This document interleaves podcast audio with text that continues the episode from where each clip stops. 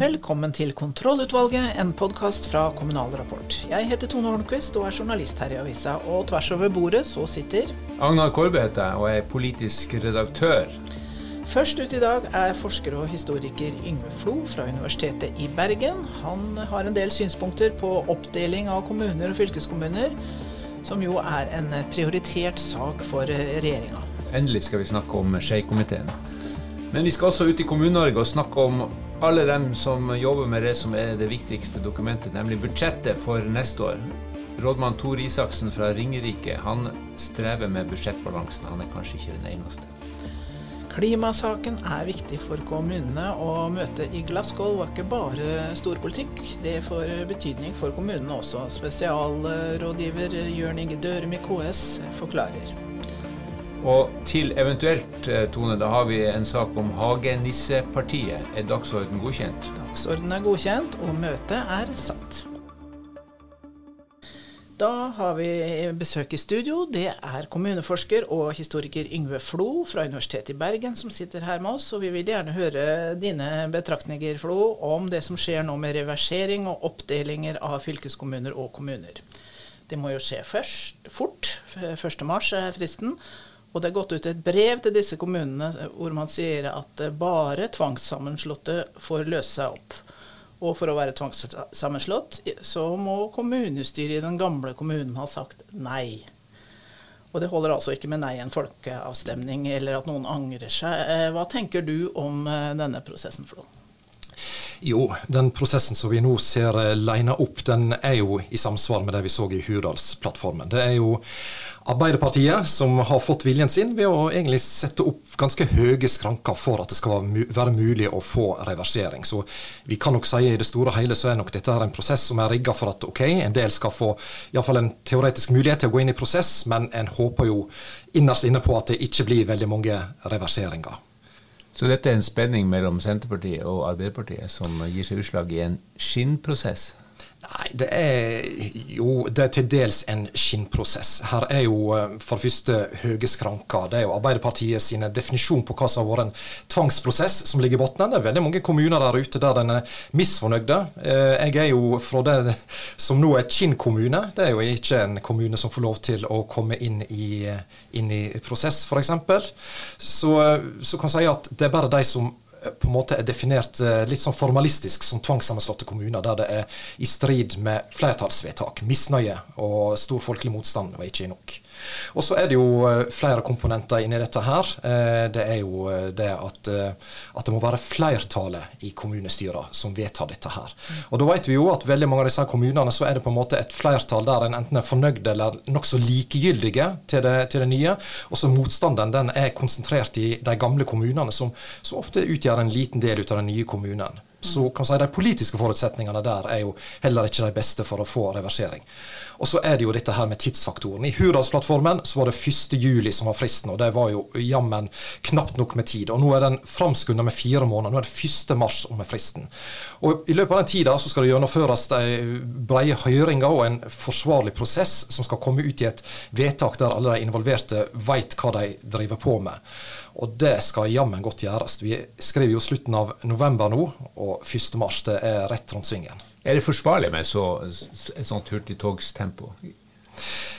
Jeg vil kanskje si at det er forsvarlig i noen egninger der den har beredt grunnen for det. Altså klart, Troms og Finnmark de har jo hatt en beredskap for dette her, Troms og Finnmark fylkeskommune, he hele tida. Sånn at kan si at her har de på et vis lina opp et system tror jeg, som gjør at de vil kunne komme i mål. Ellers så tror jeg at det er store hinder i de fleste fylkeskommuner og kommuner. Også der det, en kanskje kunne hatt et slags potensial hvis en nå hadde hatt uh, mer tid til, til rådighet, og, og, kunne ha sett hva, hva ligger i dette her, og ikke minst hva er det staten stiller opp med av kroner og øre. Du er jo historiker, så vi må jo ta et, kaste et blikk bakover. Da vi hadde den store sammenslåingsrunden på 60-tallet, mm. som jo for øvrig begynte med Skei-kommisjonen i 46, mm. og så mm. kulminerte med sammenslåing på slutten av 60-tallet. Så da brukte de god tid. Mm. Men var det mange av de kommunene som ble slått sammen da, eh, på slutten av 60-tallet, som senere ble løst opp? Ja, det var det. Det var jo mange som, eh, som på en måte organiserte seg med krav om, eh, krav om, det vi i dag ville kalt reversering. Eh, de brukte ikke det ordet da, men de, de fant opp dette her ordet tvangssammensluttede kommuner.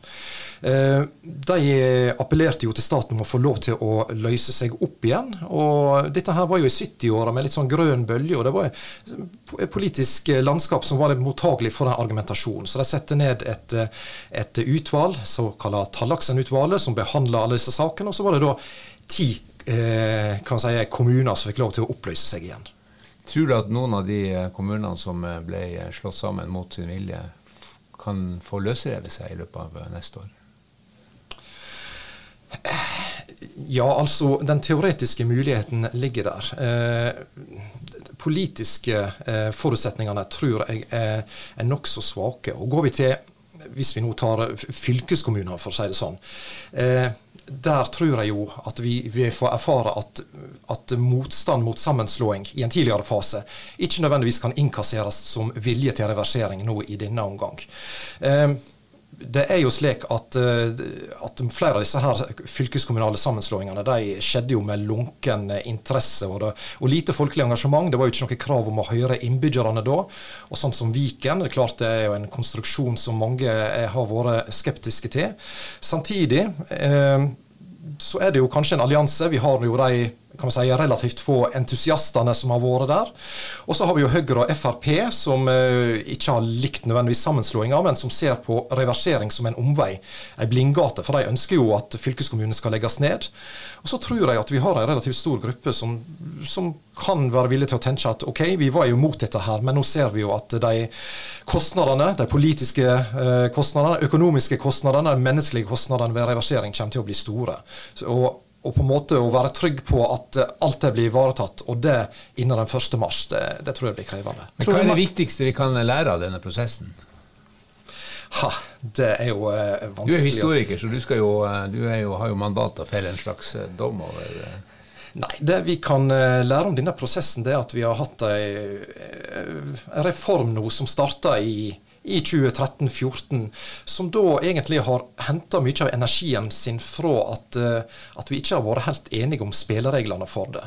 En har kunnet for, i første gang da slå sammen kommuner, og, og, vi har ikke vært helt enige om ja, hva er egentlig dette her med frivillighet, hva er egentlig dette her med tvang. Hvem er det egentlig som skal bestemme?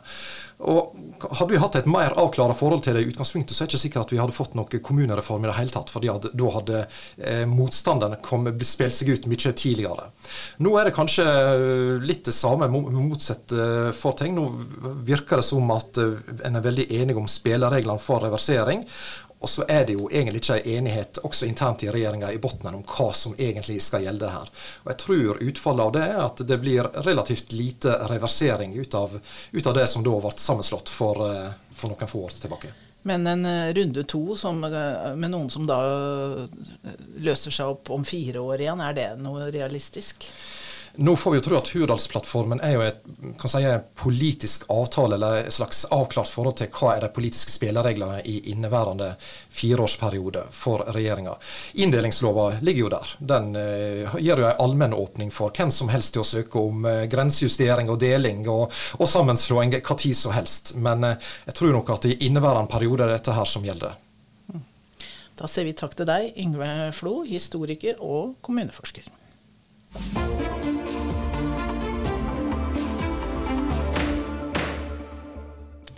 Det er eh, budsjettider i Kommune-Norge, og en av de mange rådmennene eller kommunedirektørene som nå sitter og biter i pennen, det er eh, rådmann eh, Tore Isaksen fra Ringerike kommune. Velkommen til deg. Ja, takk. Får du budsjettforslaget ditt til å gå i hop? Ja, jeg får det til å gå i hop, men, men, men, det har vært en krevende øvelse i, i, i høst og, og, eller forsommeren og i høst å få det på plass. Fordi at vi har jo hatt både 2020 og til nå i 2021 så har vi jo hatt en pandemiøkonomi, som jeg pleier å si. I den forstand at uh, vi har i tjenestene hatt mer enn nok med å ta unna alt det som har skjedd, og, og det fokuset på å, å levere tjenestene til, til, innbyggerne med alt det som har vært rundt pandemien. Og, og fokuset på på, på å, ja, Vi har jo hatt fokus på å holde budsjettet, men, men har, vi har jo måttet tilsette mange, mange, folk. Vi har måttet bruke mye vikarer, vi har hatt mye høyt sykefravær. Og alt dette gjør at vi ikke har fått fokus på egentlig de innsparingene vi hadde i budsjettet budsjettvedtaket for 2020 og de, videre de effektiviseringskravene vi hadde i 2021, de, de har forståelige grunner så har jo ikke det vært fokus i organisasjonen.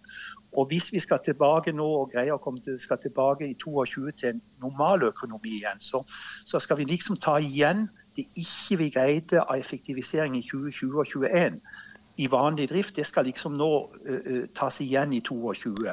Og, og, og, Det er det som har vært krevende på, budsjettet. Så, så, Jeg sier alltid det at ja, vi har fått kompensasjon fra regjeringa på pandemien, men vi har ikke fått kompensasjon for det egentlig vi skulle ha gjort i kommunene med effektivisering og, og komme i mål i 2020 og 2021. Og I tillegg så har vi jo brukt masse arbeidskraft i, i, den vanlige organisasjonen på pandemien som vi skulle ha brukt på utvikling og omstilling. Men hva, disse innsparingene dere skal gjøre, og effektiviseringene, hva er det? Jo, hos oss så har vi i, i Ringerike kommune så har vi et stort investeringsprogram som har gått fra 2016-2017 til nå til 2023, i størrelsesorden 2,5 milliard. Og det slik at vi, Kommunestyret har vedtatt en økning av gjeldsbyrden og rente og avdrag per år. Og det var planen at Da skulle vi ta ned driften tilsvarende fra 2017 til 2023. Da er den siste nye ungdomsskolen på plass. Mm -hmm. og, det, og, det, arbeidet der som med å effektivisere med ca. 2% i året for å greie økt rente og avdrag, det, det, det, er krevende og krevende i seg selv når vi begynner å komme ned på KOSTRA-tall, så vi begynner å bli en veldig effektiv kommune. Så, så, så, og når da, ikke, eh, da, da pandemien kom, så, måtte vi legge vekk det arbeidet litt. Og, og, nå får vi det midt imot oss. Da byggeprosjektene har gått sin gang og opplåninga har gått sin gang. Så Det er derfor vi får et krevende 22 og 23. Ja, Blir det negativt netto driftsresultat?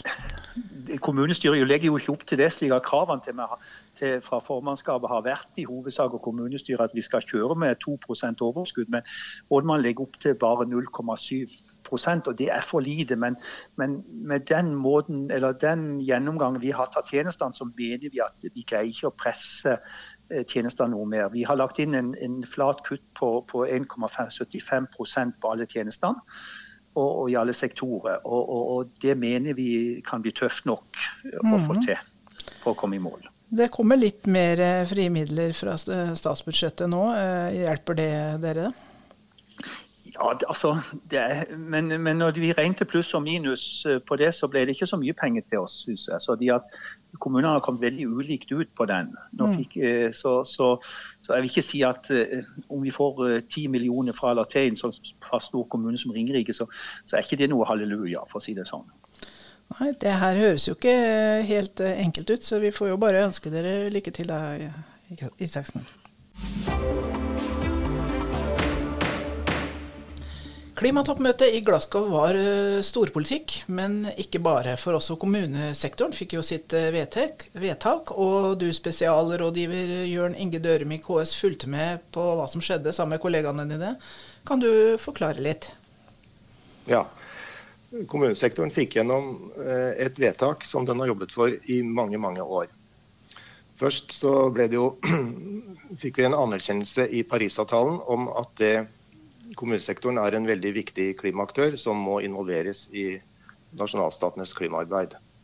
Og Nå kom det et nytt vedtak som sier at det, det er um, urgent, sier de, behov for et samarbeid mellom forvaltningsnivåene og også med andre aktører. Vi kaller det multilevel and cooperative action. Og For å oversette dette her til praktisk politikk, så betyr det felles innsats. Altså at alle forvaltningsorganer, alle forvaltningsnivåer samarbeider om å nå felles mål gjennom felles tiltak. Og som oftest vil også næringslivet og andre aktører også delta i det her. Ja. Og jeg vil gjerne illustrere det med et eksempel. Ja, gjør det. Ja, ja. Eh, og det aller beste eksempelet jeg vet om her, det er innfasingen av eh, elfergene. Der tok staten utviklingskostnadene og fikk fram den aller første elfergen, Ampere, i 2015. Og så øh, gjorde fylkestinget i daværende Hordaland et vedtak om at alle deres fergesamband skulle da omgjøres til elferger, eller lavutslippsferger, som det ble sagt den gangen. Og de spesifiserte det i et anbud hvor det var eh, krav om energieffektivisering. Så det du snakker om her, det er godt samspill mellom staten samspill. Og, og, og, kommuner og regioner? Ja, ja, men ikke bare det. Også i tillegg, for fergeeksempelet viser at industrien faktisk, når de fikk et sånt krav, så overoppfylte de det kravet. Og vi fikk da altså full, kjempefine batteriferger og et nytt produkt og et nytt marked for norsk næringsliv. Det viser hvordan det samspillet driver på en måte det grønne skiftet framover. Det er mange som har snakka om eh, offentlig sektor som en grønn innkjøper, så det ser vi et, et eksempel på her. Ja, men ikke bare en grønn innkjøper, men også en som um, En grønn innovatør, på en måte, kan du si. For eh, Et annet eksempel er jo da hurtigbåtene hvor uh, Trøndelag fikk med seg en del andre fylkeskommuner også for et stort prosjekt om å utvikle verdens første utslippsfrie hurtigbåt. Og det var et vedtak som ble fattet pga. at de så at de måtte finne på nye ting for å oppnå sitt mål om å kutte utslippene med 50% Hva betyr dette nye vedtaket da fra Glasgow eh, for kommunesektoren? Det betyr, altså For Norge så kan du si at dette er en måte vi har jobbet på i mange år. Men det øker bevisstheten om øh, nødvendigheten av slikt øh, samarbeid. Det står f.eks. I, i Klimakur, som ligger til grunn for øh, den nye klimaplanen her i landet, at kommunesektoren åpner mest i samarbeid med andre. Og Dette er veldig viktig for mange andre land hvor det, vi ikke har det samarbeidet mellom forvaltningsnivåene og næringslivet f.eks. som vi har her i Norge. Så, så, så, verden kan rett og slett eh, se til Norge når de skal se hvordan man får til samspill mellom lokale og sentrale myndigheter? Ja, Norge og Tyskland og de skandinaviske landene, vil jeg si. Ja. Ok, Helt på tampen, eh, Dørum. Hvis du er kommunedirektør eller lokalpolitiker som hører på denne podkasten, hva er ditt beste råd nå når de skal ta, gå løs på et nytt år og bidra til klimakuttene? Jeg vil si at de bør da gå inn på KS sine nettsider og google ordet klimabudsjettering og se hvordan et klimabudsjett skal lages. Det, vil, det, er et fantastisk godt styringsverktøy som vi anbefaler på det sterkeste. Og det er veldig stor interesse i kommunesektoren for det nå. Kjempebra. Takk. Ja. Veldig bra. Takk skal du ha. Så ønsker vi alle et godt klimaår neste år.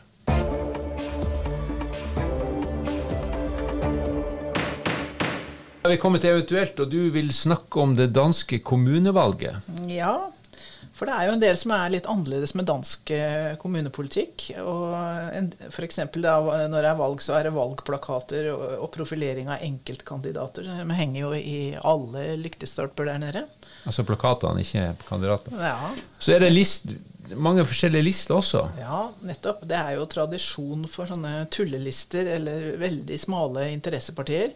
Du trenger liksom bare 50 underskrifter da, for, av voksne borgere, til, og så har du en liste. Så kan du liksom få registrert lista di, og så får partiene 4 kroner og 75 øre per, st eh, per stemme. da. Danske kroner. Det er litt eh, Ja, det er litt mer, mer så nesten det, ja. ja. Men har du noen gode eksempler på dette her ja, eh, det fenomenet? Litt, ja, jeg syns jo det er litt morsomt med Hagenissepartiet. Det er, det er stilt i Fredriksberg kommune, som er en sånn uh, kommune inni København kommune, en slags sånn Frogner eh, kommune. Og der hadde de en sånn lilla kledd eh, partiformann som stilte seg opp rundt i bydelen og fortalte om partiets politikk, som jo var seriøs nok, da. Det var, eh, handla om hundeluftingsparker og ny metroring og sånn. Men de kom ikke inn, da. Har vi flere ja, spesielle altså, parti? Odins vikinghær, f.eks for frihet og mer nordisk eh, mm. samarbeid. Det høres litt uh, Jeg vil si at det er litt tvilsomt. Ja, er, det, jeg gikk ikke så veldig inn på det, så jeg vet ikke helt hva mer de står for. Men så er jeg jo litt svak for da, den lista som stilte opp for andre gang nå, valgfest med meksikansk tema. Det høres ut som et, eh, en valgvake, men dette ja, var et parti? Ja. Ja, det er et parti, altså liste. Og de fikk jo da 1388 stemmer og i region hovedstaden. Og det blir jo nok eh, penger til en valgfest med meksikansk tema. Så det er det de skal bruke pengene på. Og Sist gang de stilte opp, så var det gratis å måle til folk, alle borgere som var på, på programmet. Men det vil vi ikke ha noe av? Nei, det ble ikke noe av det. Det, det er vanskelig å få flertall for noe sånt.